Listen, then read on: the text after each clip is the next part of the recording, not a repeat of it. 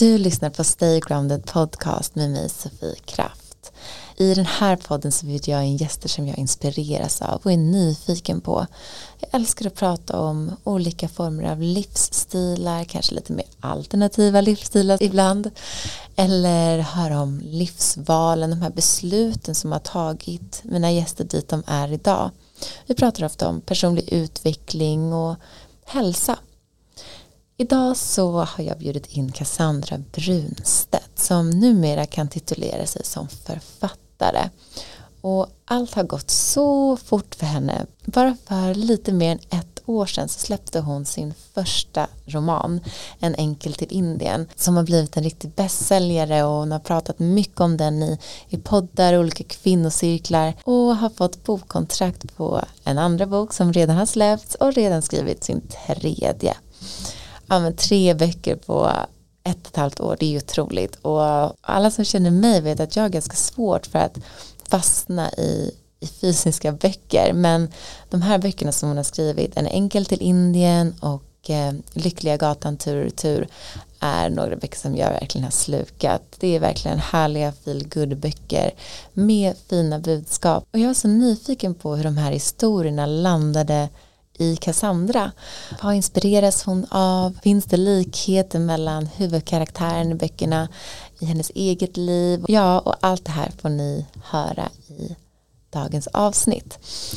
Jag älskar att få höra när någon följer sina drömmar och hur man vågar lita på det här pirret i kroppen, den här känslan, energin som vill ta en till en specifik plats eller att man ska byta riktning i livet. Och vi pratar även mycket om det idag, jag och Cassandra jag hoppas att ni känner er inspirerade efter det här avsnittet att våga följa drömmar våga lita på magkänslan, våga uttrycka din sanning. Så ja, hörni, här kommer eh, Cassandra Brunstedt i Stay Grounded Podcast. Varsågoda.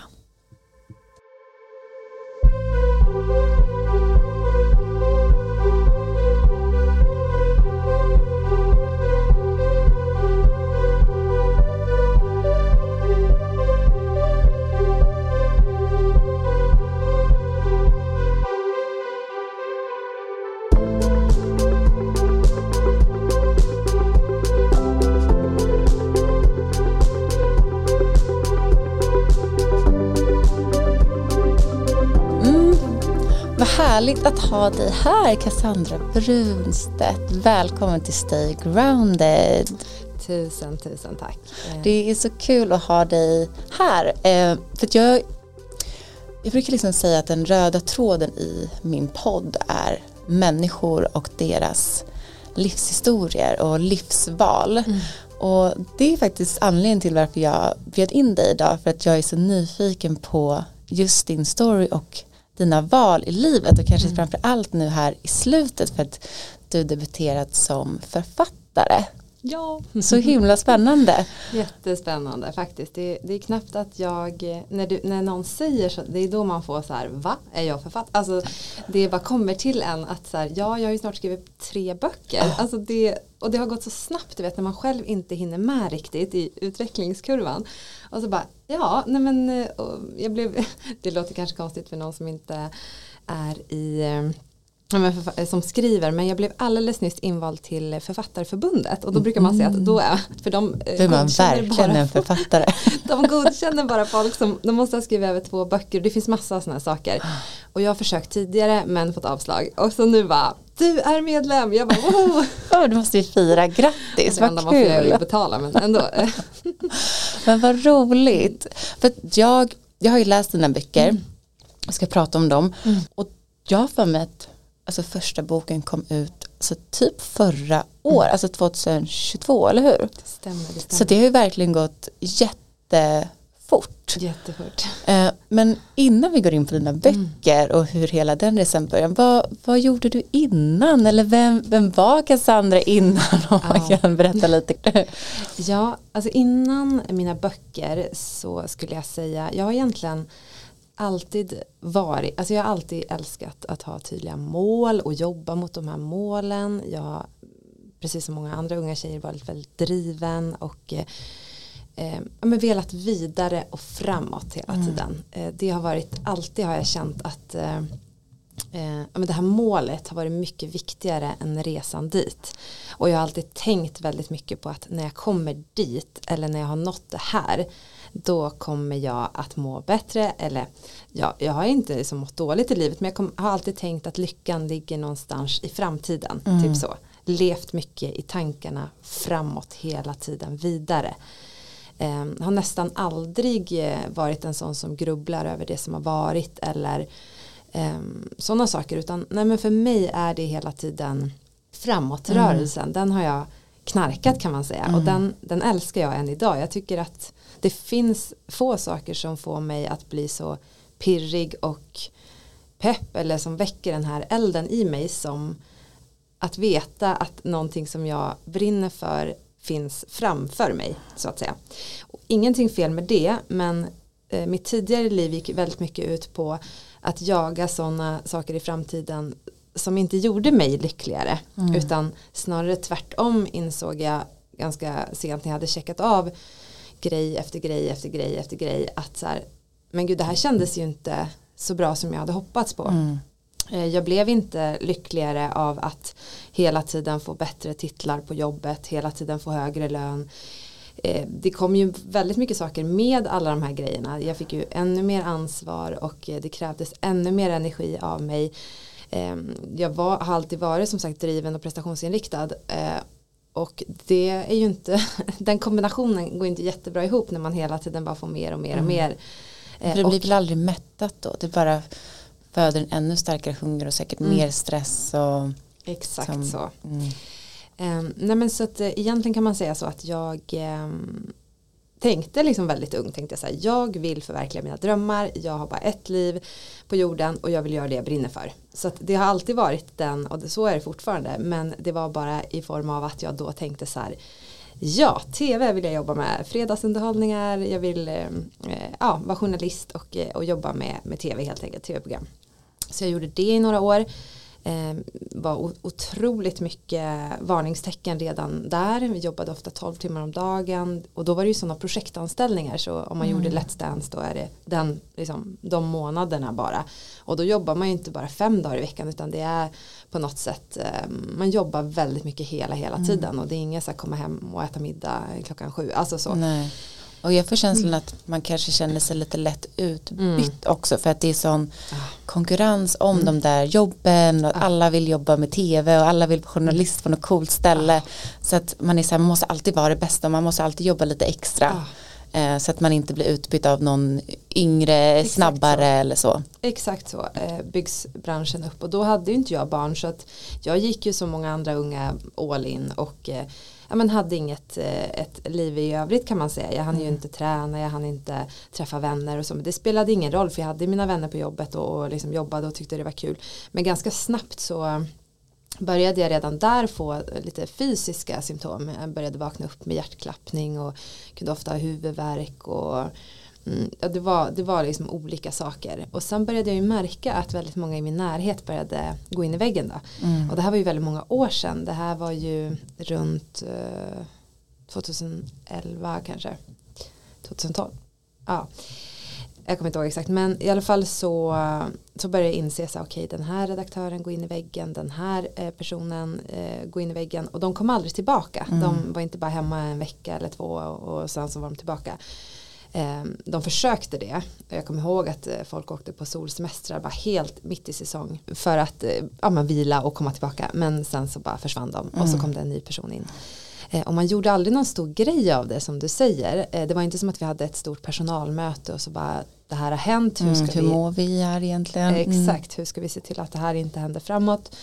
Utan nej, det var bara, ja, nu är han eller hon borta och den här personen är ny här mitt i säsongen och vi fortsätter. Mm. Eh, så att absolut fick man ju absolut intrycket av att eh, jag är absolut utbytbar eh, och det, kan, det spelar egentligen inte så jättestor roll. Så jag måste verkligen leverera på topp för att mm. få vara kvar här. Hela tiden liksom. Mm. mm. Och så gjorde jag det några år, insåg att nej men det här, det här var inte så kul som jag trodde. Jag vill jobba med magasin och då började jag jobba med ja, Sveriges liksom, största magasin och tänkte så här men det här är min grej och så. Och tv-branschen var också som sagt kul parallellt med allt det här. Och det var att jobba med magasin också. Det var ju en stor dröm att få jobba med L-titlarna och sådana saker. Så att, eh, det har varit väldigt roligt och så. Men eh, så jag har liksom flyttat mig och, och tänkt att så här, här är drömmen, nej, men här är drömmen och så vidare. Mm.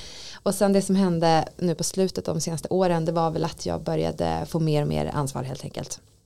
Började eh, med en roll och så klättra, klättra, klättra och till slut så var jag liksom det högsta man kan vara på ett företag och hade personer som drog mig från alla håll och kanter, eh, ville verkligen att allt skulle vara bra. Och då menar jag inte bara att jag, vill, jag ville, liksom, jag hade en relation, jag ville att liksom, allt skulle vara bra hemma, privat, jag ville hinna träffa mina vänner, jag ville hinna med allt, jag ville hinna träna varje, liksom, mm. flera gånger i veckan, ville att jobbet skulle gå jättebra. Eh, och vid den här tidpunkten så var, jag brukar säga att jag var en person som aldrig var sjuk och det beskriver det ganska bra för att jag innan typ för ett år sedan då har jag inte jag en enda sjukdag i, i hela mitt vuxna liv. Och jag satt väldigt mycket prestige i det och jag sa ofta det till mm. folk och jag kände så här Ja men folk de, de är sjuk hit och dit men jag är mm, alltså, alltid mm. på plats mm. så, och tyckte att det var någonting bra. Um, och jag var, blev ju sjuk ibland men jag liksom tvingade mig till jobbet, jag jobbade alltid. Mm, igenom. Mm. Exakt. Men sen då, då hade det ju gått ganska många år av diverse sådana här jobb då, där jag hela tiden försökte prestera och eh, då började de fysiska symptomen bli ännu värre. Mm. De började, det var ganska svårt att nonchalera dem. För mm. Hur tog de sig uttryck för dig om jag får, mm. får fråga? Eh, ja, men väldigt, alltså först och främst så var det ju rent estetiskt som jag bara kände så här, men vad har hänt? För jag tappade hela mitt hår nästan, alltså mm. halva mitt hår ska jag säga. Eh, och det, det såg jag ju, alltså det, det var bara typ bara tussar kvar och jag hade alltid haft så långt tjockt hår och bara så här, men vad är det, det här måste vara någon brist av någonting, jag mm. måste ha typ eh, behöva kosttillskott eller ja så. Så jag gick ju till läkare, en läkare sen gick till flera faktiskt. Men eh, de hittade ingenting, det var liksom inga fel på mina värden eller så. Och då började jag ju vända mig till alternativa eh, personer, så jag gick till allt ifrån ayurveda till kinesolog och så vidare. Eh, och jag kom ihåg, för att det hjälpte inte heller och jag brukar tänka nu idag att det hjälpte inte för att jag var i en sån ett sånt mode, min energi den var så frånstötande så att ingenting hade kunnat hjälpt mig mm. vid det här tillståndet. För jag kommer ihåg när jag var hos den här ayurvediska personen eh, då var jag på en behandling, först hade vi tagit reda på vilken typ jag var och så kollade min puls och så, och så skulle, hon, skulle jag få en massage och så här. Ja. Och så sen så hör inte jag att hon kommer in men hon har gett mig en massage och jag ligger kvar och ska vila i mm. rummet då. Eh, och i alla fall så går jag hem till min telefon och mm. ligger kvar på britsen och kollar mejlen. och då kommer hon in liksom i rummet och hon blir helt chockad den här kvinnan. Hon bara, mm. nej men gud, eh, liksom, vad gör du? Typ. Ja. Jag bara, nej men gud förlåt. Jag ska bara snabbkolla lite. jag ska bara kolla ett mejl här. Ja. Eh, och då liksom suckade hon typ så och bara satte sig ner med mig och så sa hon det att du kanske ska komma tillbaka när du är redo för det här. Mm. Och då tyckte jag att det var rätt oförskämt. Jag kände så här, men hallå jag har ju tagit ledigt två timmar och betalat dig mm. 1600 spänn och kommer hit och jag vill ju bli bra nu. hallå. Men nu i efterhand så förstår jag verkligen varför ingenting hjälpte. Mm. Jag du var inte så, mottaglig då. Exakt så. Och så brukar jag tänka nu att Ibland känns det som att när man är på det här, man vill ha en quick fix, det är det man vill när jag går till en ayurvedisk specialist eller till en kinesolog eller till en osteopat mm. eller vad jag än går till. Jag kände så här, jag betalar gärna ja, och jag tar de här mig. två timmarna, fixa mig nu, liksom, gör det här bättre. Ah. Eh, ändra någonting i mitt nervsystem så att jag kommer tillbaka och liksom får tillbaka mm. håret i alla fall.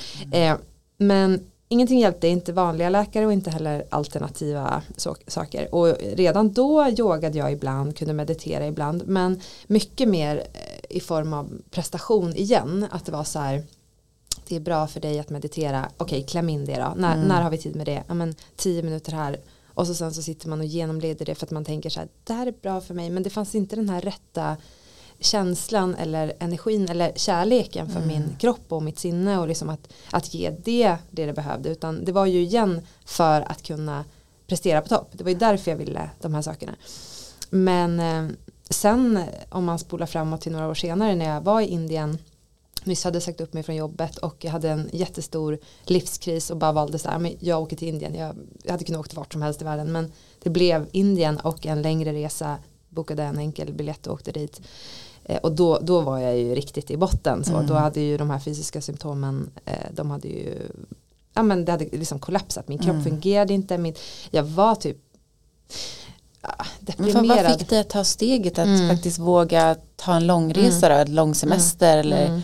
Precis, det, det, är ju väldigt, eh, jag, jag, ser tillbaka med otroligt eh, respekt för att jag gjorde det. För att eh, det är ju svårt. Och man får komma ihåg att oftast eh, nu om jag pratar om det här då låter det som att jag var på kanske en väldigt negativ arbetsplats. Ingenting fungerade, jag hade ingen bra alltså så, så var det ju inte och så Nej. är det ju oftast inte. Mm. Eh, jag hade ju liksom nära vänner, det var ju mina kollegor som jag liksom gillade jättemycket. Sen var det ju såklart, eh, det fanns ju personer som jag kanske inte, alltså du förstår, eh, liksom ledningen kanske inte var den bästa och så sådana här saker. Mm. Men ändå fanns det massa saker som höll mig på plats och, och som jag kände så här, det kommer bli bättre här, det kommer bli bättre. Och det hade jag ju liksom gått runt med ett mantra ganska länge. Men sen eh, så blev det bara en dag när jag insåg att eh, nej, alltså jag måste ta mig från det här sammanhanget till ett helt nytt sammanhang. Jag måste för att kunna bryta dina mönster? Förflytta mm. mig eh, rent fysiskt och eh, jag måste jag måste säga upp mig och jag måste göra det nu. Typ så. Mm. Det var bara någon sån jättestark känsla men då hade jag ju som sagt känt att jag ville det ganska länge, säkert ett år. Mm.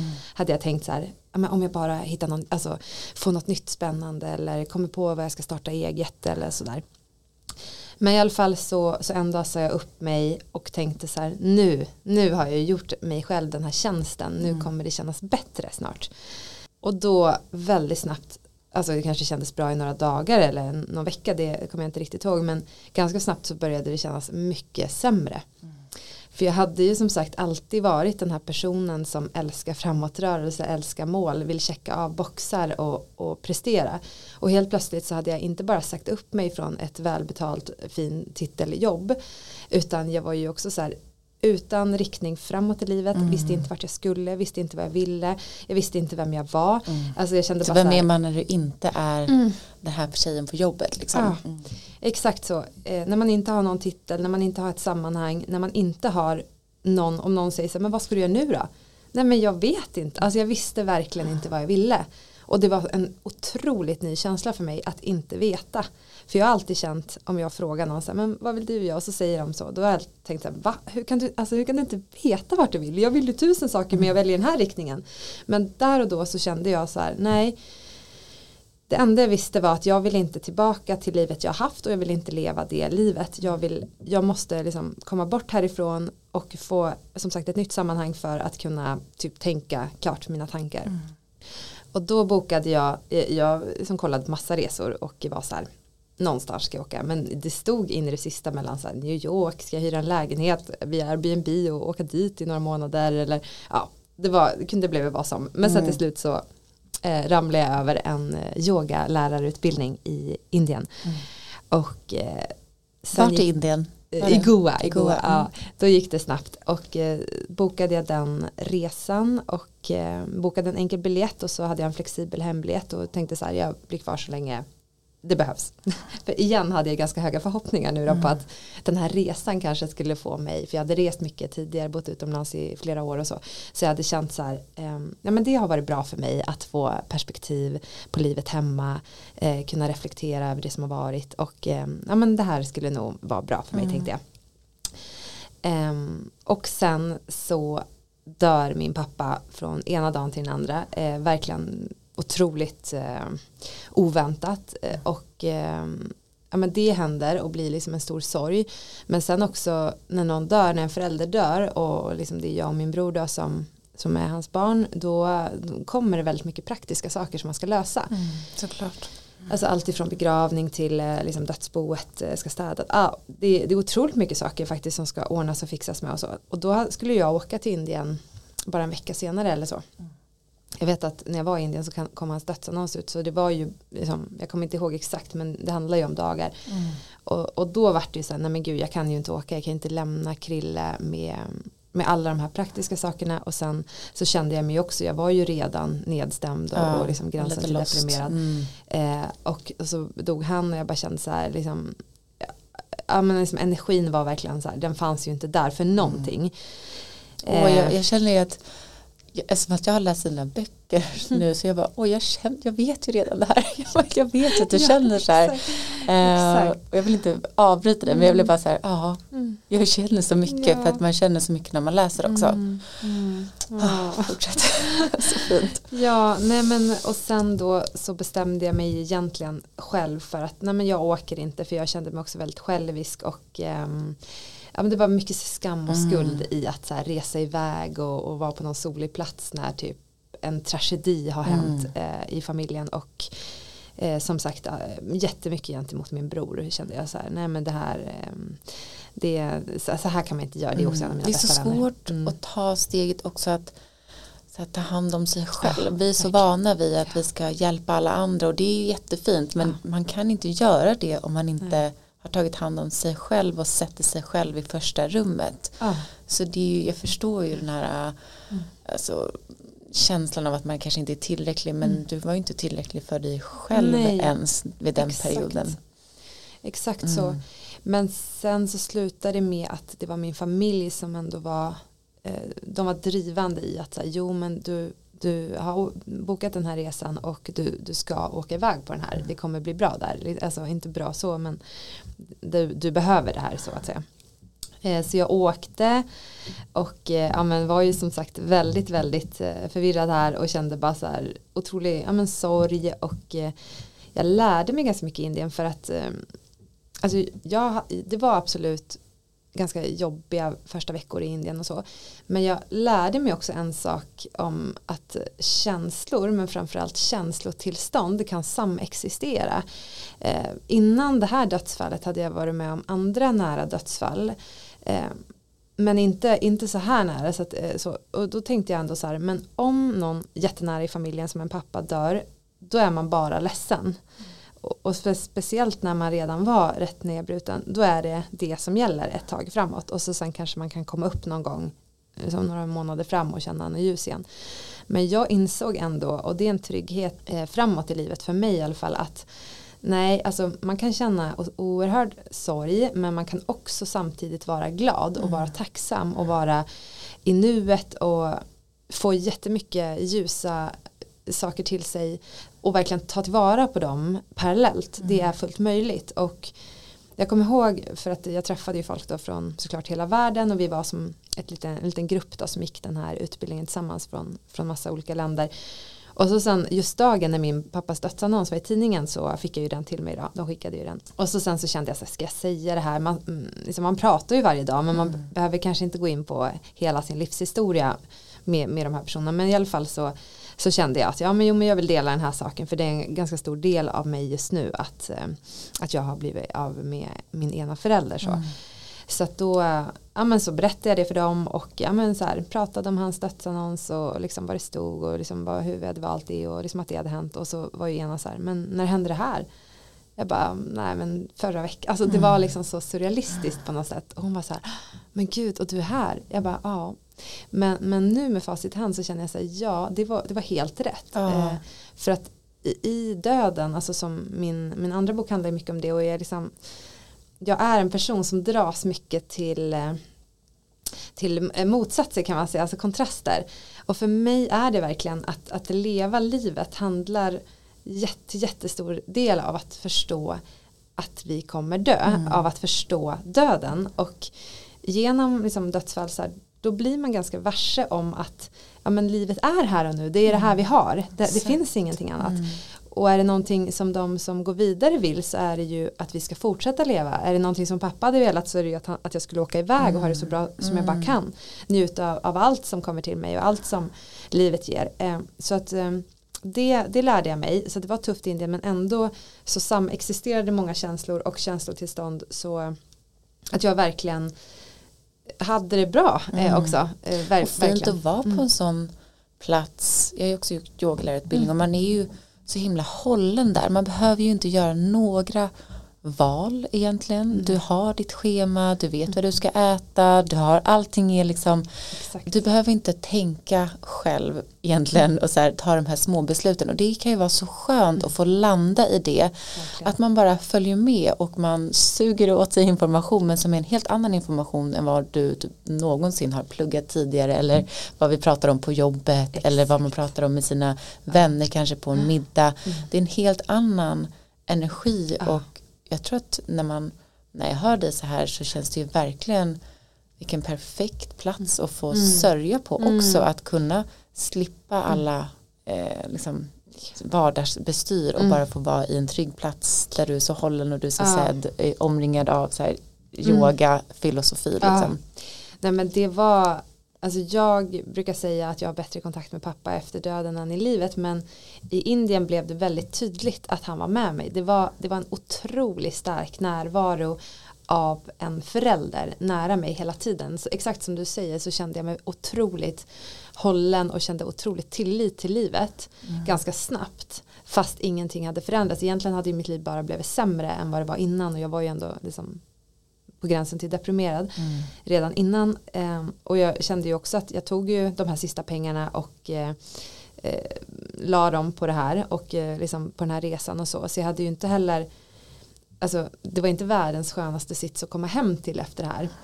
Eh, för då var det lite så här, men gud vad, vad ska jag nu göra? Alltså mm. så här, mm. yogalärare helt plötsligt och det var aldrig som att jag heller var så här, ja men det är den här riktningen framåt utan jag kände bara så här, jag vill göra någonting helt annorlunda. Mm. och jag gillade yoga innan också. Eh, men som sagt på ett helt annat plan idag. Men det var inte som att det var min yrkesväg framåt. Nej. så kände jag inte. Och det är ju också som att jag hört till samma sits själv. Eh, hur möttes du av familj och vänner när man mm. kommer hem så? För det minns jag hur det var för mig att jag var jag, var, jag tror jag, jag ska prova jobba med det här. Jag vet inte riktigt hur, jag vet inte vad jag ska göra men jag känner att det här är liksom, jag måste vara kvar i det här ja. spacet, den här energin. Och alltså, jag vet min mamma och pappa så här, men Sofie, bara, vad är det nu du ska testa på liksom? Vad är det för hippiefasoner? Alltså det var lite exakt, den, det jag möttes av. Mina ja. vänner var så här, jaha okej, ja, jag kör din grej liksom. Men, men hur var det för dig att komma tillbaka då och du kanske inte visste vad du ville göra mm. men att du ville göra någon typ av förändring. Mm. Ja, alltså som tur är så har jag väldigt eh, min familj och min man och så, de är väldigt, eh, det kan ju ha att göra med att jag är och alltid har varit sådär väldigt ombytlig när det gäller vad jag vill göra.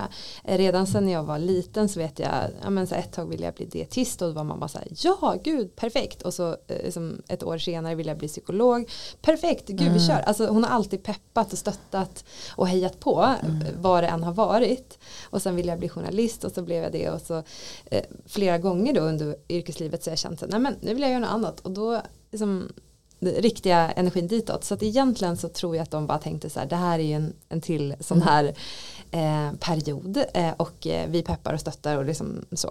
Eh, tror på henne och eh, det brukar ju gå ganska bra, brukar landa på fötter och så.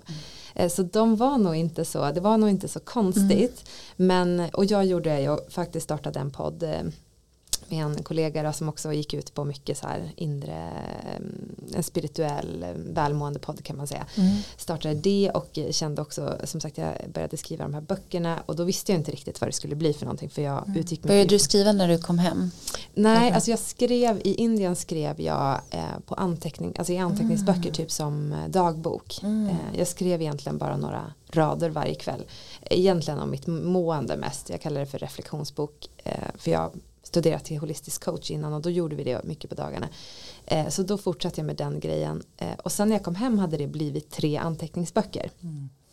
Och så började jag kolla igenom de här och jag kände så här, gud, eh, det här är nästan som en dramaturgisk båge så, men jag kände så här, det här måste jag göra någonting med, eh, för det tilltalade mig och tänkte så här, då kommer det kunna tilltala någon annan. Eh, men sen så visste jag inte hur, så i början var det så här, men kanske som en fackbok eller så. Eh, men så började jag i alla fall skriva och ganska snart visade det sig att ja, men jag, vill, eh, jag har alltid gillat att berätta historier så jag, vill, jag vill skriva en roman av mm. det här. Mm. och i början så var det ganska mycket självupplevt allting och sen så ganska snart så kom det in fiktion och så till slut blev det någon blandning av det. Till slut så blev det en enkel till Indien, din första bok. Yes, yes, Mm. yes. Eh, och den gick snabbt att skriva och eh, eh, gick på några månader och sen blev jag gravid. Och eh, då hade jag Nej, då hade jag inget jobb precis fortfarande. Jag var fortfarande arbetslös. Eh, men jag blev gravid och eh, sen eh, ganska snart efter så fick jag också ett eh, nytt jobb då. Så då saktades processen ner lite grann. Eh, jag hade olika så här, ja men för då förstod jag att jag ville skicka den till förlag och jag ville ha Mm. kontrakt och, och sådär. Hur kändes det att göra det? Ehm, det måste vara så pirrigt och när det är så personligt. För jag visste ju faktiskt inte det riktigt när jag, alltså när jag läste boken. För jag fick ju boken av dig väldigt tidigt och då var jag så här, jag undrar om det, för det kändes, det kändes som att det skulle kunna varit din historia. Men jag var inte säker. Och då att ta beslutet att lämna in det till ett förlag, det är ju nästan som att lämna din dagbok till hela Sverige, hela världen sen kanske. Eh, men hur, hur kändes det att ta det beslutet eller att testa skicka in liksom? Eh, jag tänker för min del, eh, jag, jag, har, jag har i alla fall historiskt sett haft svårt att eh, dela med mig av svåra saker. För mig kommer det mycket mer naturligt att ja, le och eh, leverera och eh, vara den som höjer energin istället för den som liksom går bort och, och ser lite ledsen ut och känner så men gud vad är det nu då? Eh, nu blir någon ledsen där. Jag känner av det väldigt väl och jag vill ehm, mina kompisar också de kommer ofta till mig och berättar om tuffa saker. Det har alltid varit så. Men för mig är det mycket svårare att gå till någon och prata om det jag tycker är svårt eller det jag har jobbat med. Eh, samma sak på sociala medier så, så är det liksom väldigt mycket lättare för mig att dela mm, liksom, eh, och det är det ju för de flesta såklart. Men jag tror för mig var det så himla viktigt att bara så här ja, de som läser den här boken de får ju verkligen lära känna mig mycket mer än, än vad någon någonsin skulle få av att till exempel följa med på sociala medier eller så. Eh, för där fick jag på något sätt vara äkta och eh, på riktigt och det, det fick betyda någonting det som jag skrev om och det som det fick vara riktiga känslor så. Eh, och det var väldigt viktigt för mig att, att få gå igenom och gå över den här tröskeln att så här, våga vara sårbar på något sätt. Att så här, precis som du säger, det där var ju, det är ganska mycket så här kopierat från mina liksom, egna tankar och känslor. Jag hade ju också kunnat sagt att det bara var en roman men eftersom jag har varit öppen och ärlig med det och det var jag när jag skickade till förlag också så eh, ja, då, då är det, man har lite mer med i eh, det känns liksom mer personligt Mm. och eh, det skulle vara hårdare att få ett nej till exempel när det är någonting som, som är så viktigt eh, och inte bara en helt eh, påhittad historia. Mm. Ja, gud. Och hur gick processen till sen då? Då, då fick stor jag på en gång. Ja men jag, jag, jag fick ju det och det hade jag, eller liksom räknat med och räknat med men det enda jag hörde var ju så här, det, de tar in ungefär fem eh, manus per år, de får flera tusen manusförslag alla förlag så att det är ja men egentligen så helt omöjligt så. Och det pratades väldigt negativt om bokkontrakt till och med på bokpoddar och i boksammanhang och så. Så jag kände verkligen så här nej men gud det här, det här alltså när jag får mitt kontrakt då ska jag ändra på det här. Jag ska verkligen prata om möjligheterna som finns. För, för att allt är ju svårt så att säga. Alltså att, att få jobba i tv är sv- är svårt. Att få liksom vara yogalärare är svårt. Allt är ju svårt om man ser till de Man går in med den, de ögonen. Exakt, Mm. exakt.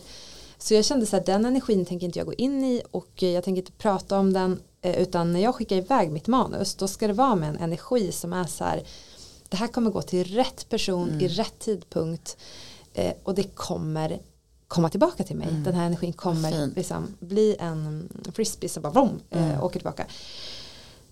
Så jag hade ju sett ut då några förlag som jag vill skicka till och ehm, eh, jag tror att det var fyra, fem förlag och eh, sen så kom den här dagen och jag gillar ju så här tider och så betydelser så, så jag hade ju så här, men den här dagen, 11-11 ska jag skicka in mina Mm, manus mm. och eh, hade förberett allting så jag hade liksom skulle bara ta mitt mail, klippa in och klistra, bifoga manus och så sen bara swish iväg.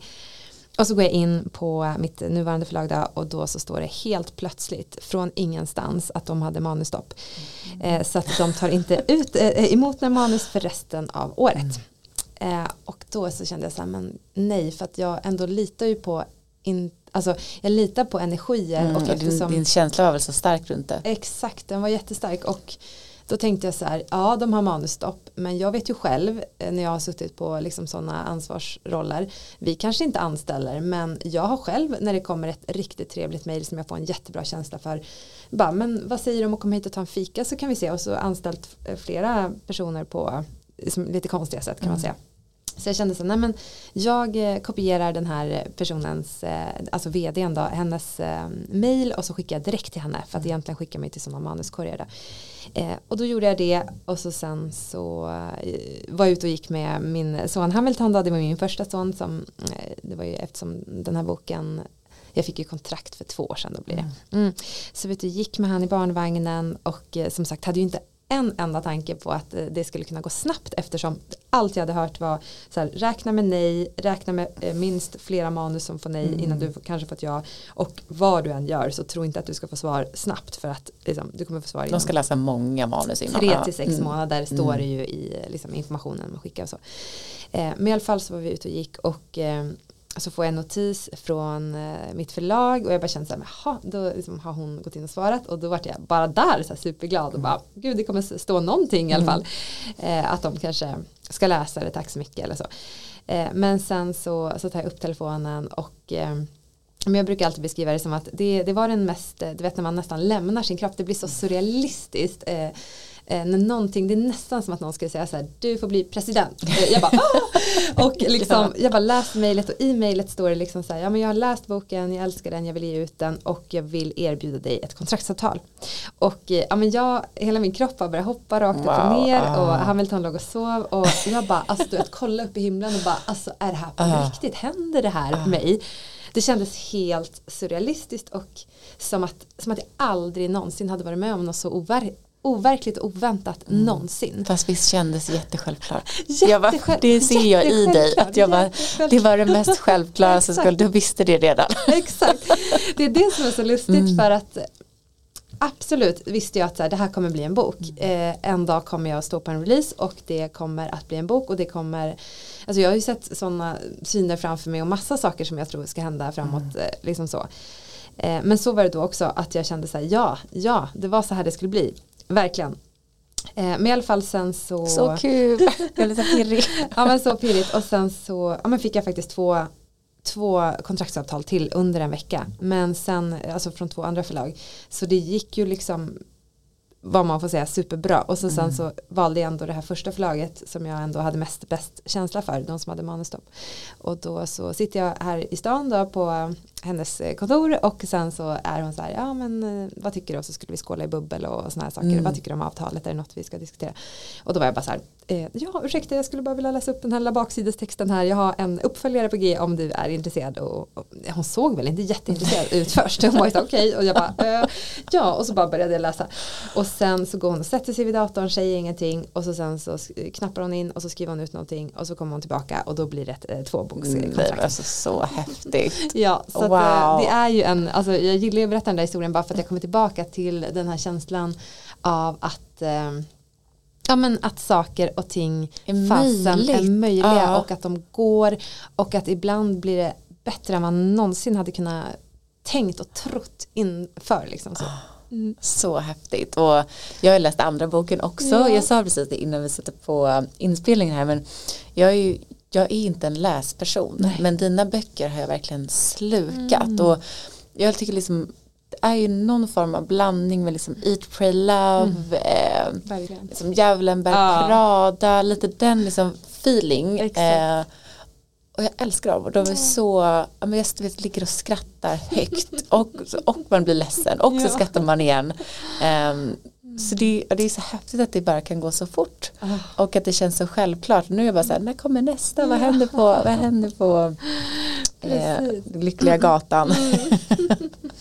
Ja, nej men och just att det har gått så fort, det där är också så märkligt. Eh, den andra boken brukar jag säga, eller jag har i alla fall sagt det några gånger, men att jag det känns som, och det är ju ett bra sammanhang att prata om det, men det känns som att jag kanaliserade den boken, att jag inte skrev den.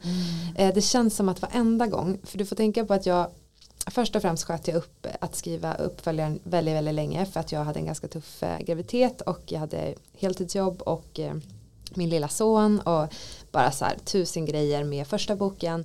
Men jag visste ju att så här, i september då ska manuset in för andra boken. Så jag visste ju det men du vet bara så skjuter upp och skjuter upp. Och till slut var det ju sommar och eh, var ju lite så här, ja men nu är det några månader kvar och jag har aldrig mer än kanske en, två timmar per dag att skriva eftersom jag alltid jag menar, på jobbet eller liksom har barn och så vidare. Så det var ju efterläggning och så höggravid. Mm. Jätte, jättetuff graviditet. Um, och då hade jag ingen energi så det var mm. liksom så här, hur ska det här gå? Men sen så, så satt jag mig ner och började skriva som alltid mitt skrivtips, alltså bara börja för att då har du kommit väldigt, väldigt långt halvvägs i alla fall att börja för då har det är väldigt jobbigt, man har ganska mycket hinder inför någonting mm. som är ganska massivt och stort, det känns ganska jobbigt ibland att, att börja, men mm. när man mm. börjar så började jag där, men sen så var det någonting magiskt med den här uppföljaren och det är bara varenda gång jag satt, och jag satt aldrig mer än max två timmar. Så bara så här, alltså tangenterna bara smattrade mm. och historien bara kom ner på papper och det blev hela tiden så bara jag vet att Stephen King har väl 2000 ord per dag eller någonting och det har jag alltid tänkt att det är ju sinnessjukt och så. Men alltså för mig det kunde bli så här 4000 ord per dag. Alltså det bara la sig ner och så till slut så bara hade det gått typ sex veckor och jag hade skrivit klart boken. Det är fortfarande så märkligt hur det blev till mm. jag vet inte om det var någon kombination i att jag inte hade tid och att jag hade historien i mig såklart. Jag visste ju hur det skulle gå och så. Och jag kände ju karaktärerna. Mm. I mitt fall funkar det verkligen så att de blir verkligen otroligt levande så att jag brukar säga att de pratar till mig men alltså varje natt så, så vaknar jag alltid och så tar jag anteckningar och så skriver jag upp så här um, Ella säger det till Shirin, alltså någonting så. Mm, och det är spännande att, jag, mm. att du får dem liksom ah, under kvällarna. Hela, hela, hela tiden. Mm. Och jag måste skriva upp dem för annars glömmer jag dem.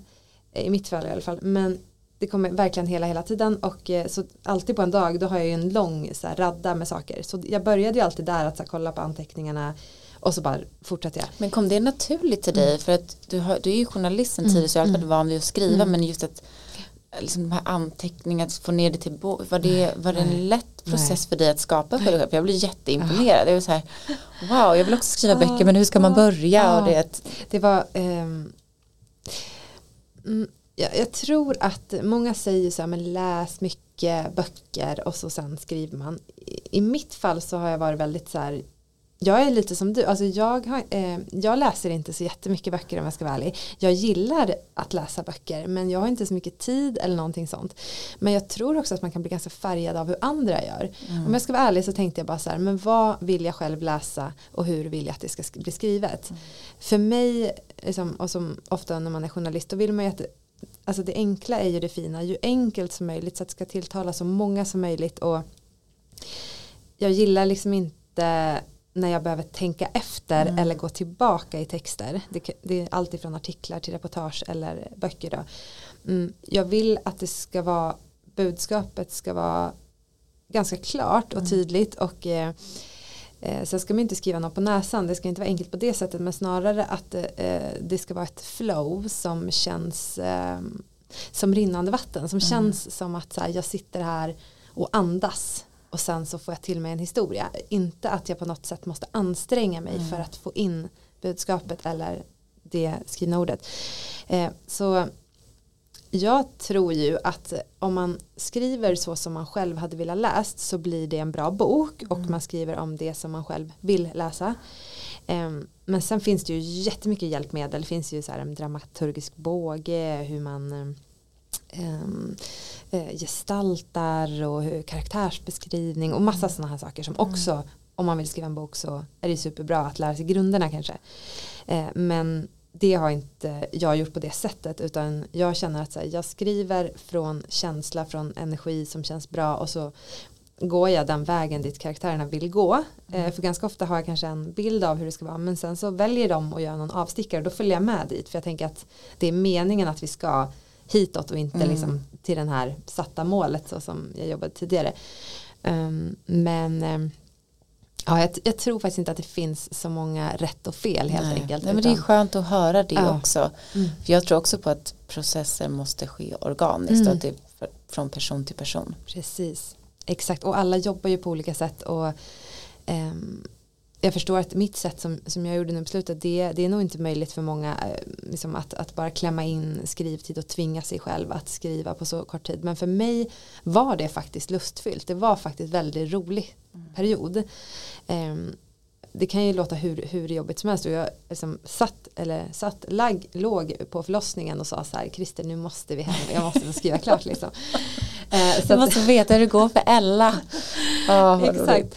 Eh, men för mig, man får komma ihåg att det här är någonting som jag tycker är roligt, mm. någonting som jag brinner för och verkligen mår bra av. Jag mm. brukar säga att alltså, jag älskar ju att träna och tycker att det är någon slags lyckopiller. Att jag bara så här, efter träning så mår jag alltid bra, jag är alltid glad och så.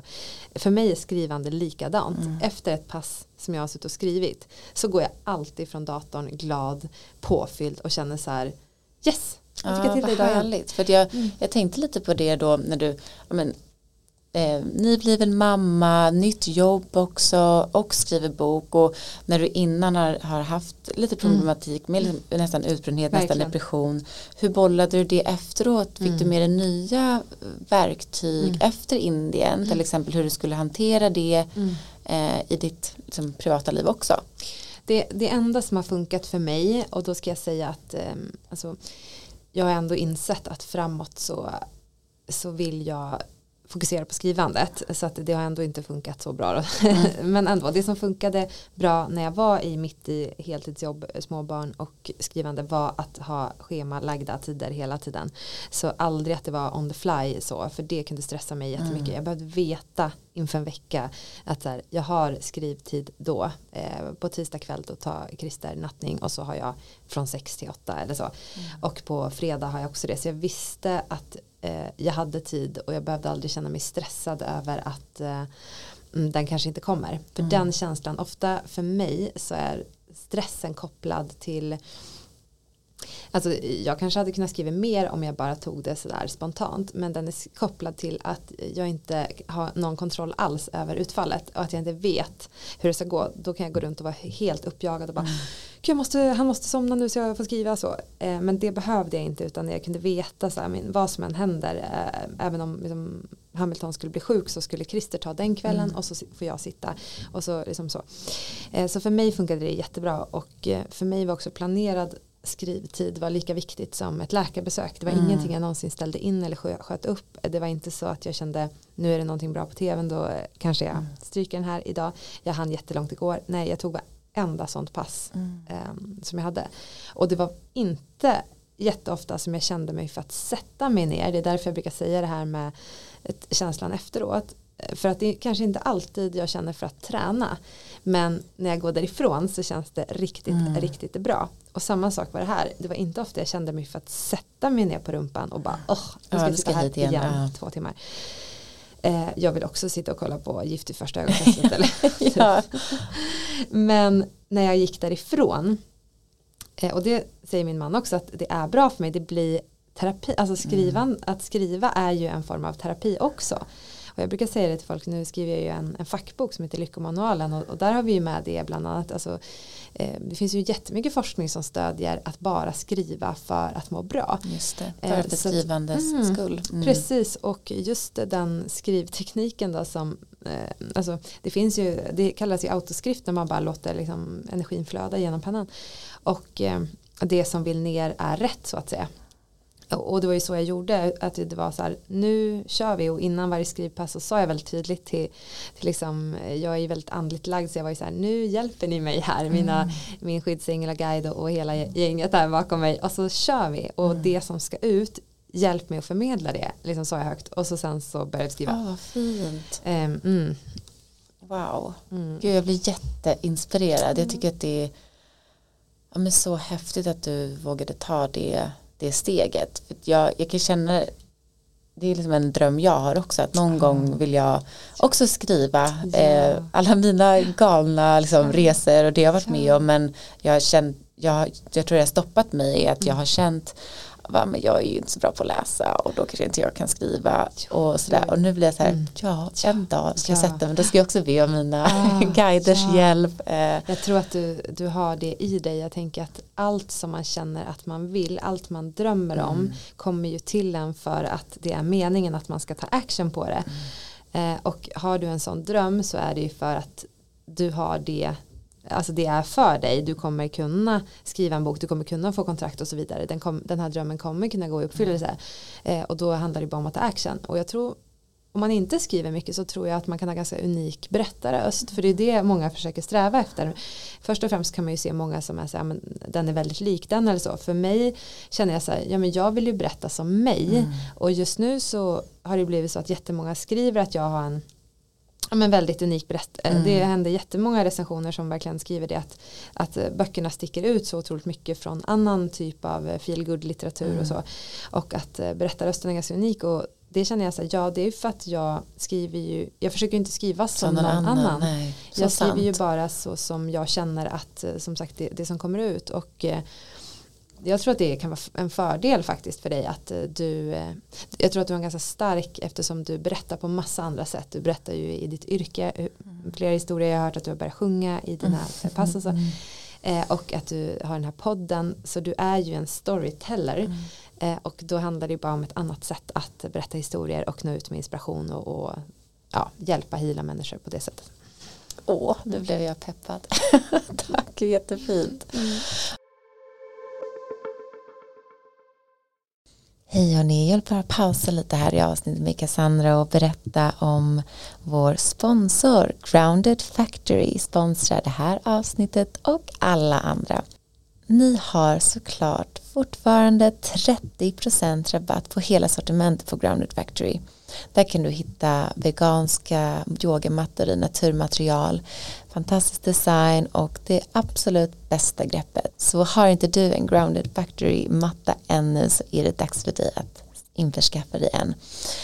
Travel mats är perfekt att använda nu på sommaren på dina resor. Du kan bara vika ihop dem i din resväska, handbagaget. Då kan du hitta dina stunder på mattan. Jag landar ju på mattan när jag behöver hitta tillbaka till mina andetag i breathwork eller yoga eller meditation. Så mina yogamattor de påminner mig om att det är dags för mig att ta en stund för mig. Me time som jag kallar det. Stay grounded för 30% på hela sortimentet. Hoppas ni går in och kikar. Tack så mycket för att du lyssnar. Nu ska vi fortsätta tillbaka till Cassandras historia.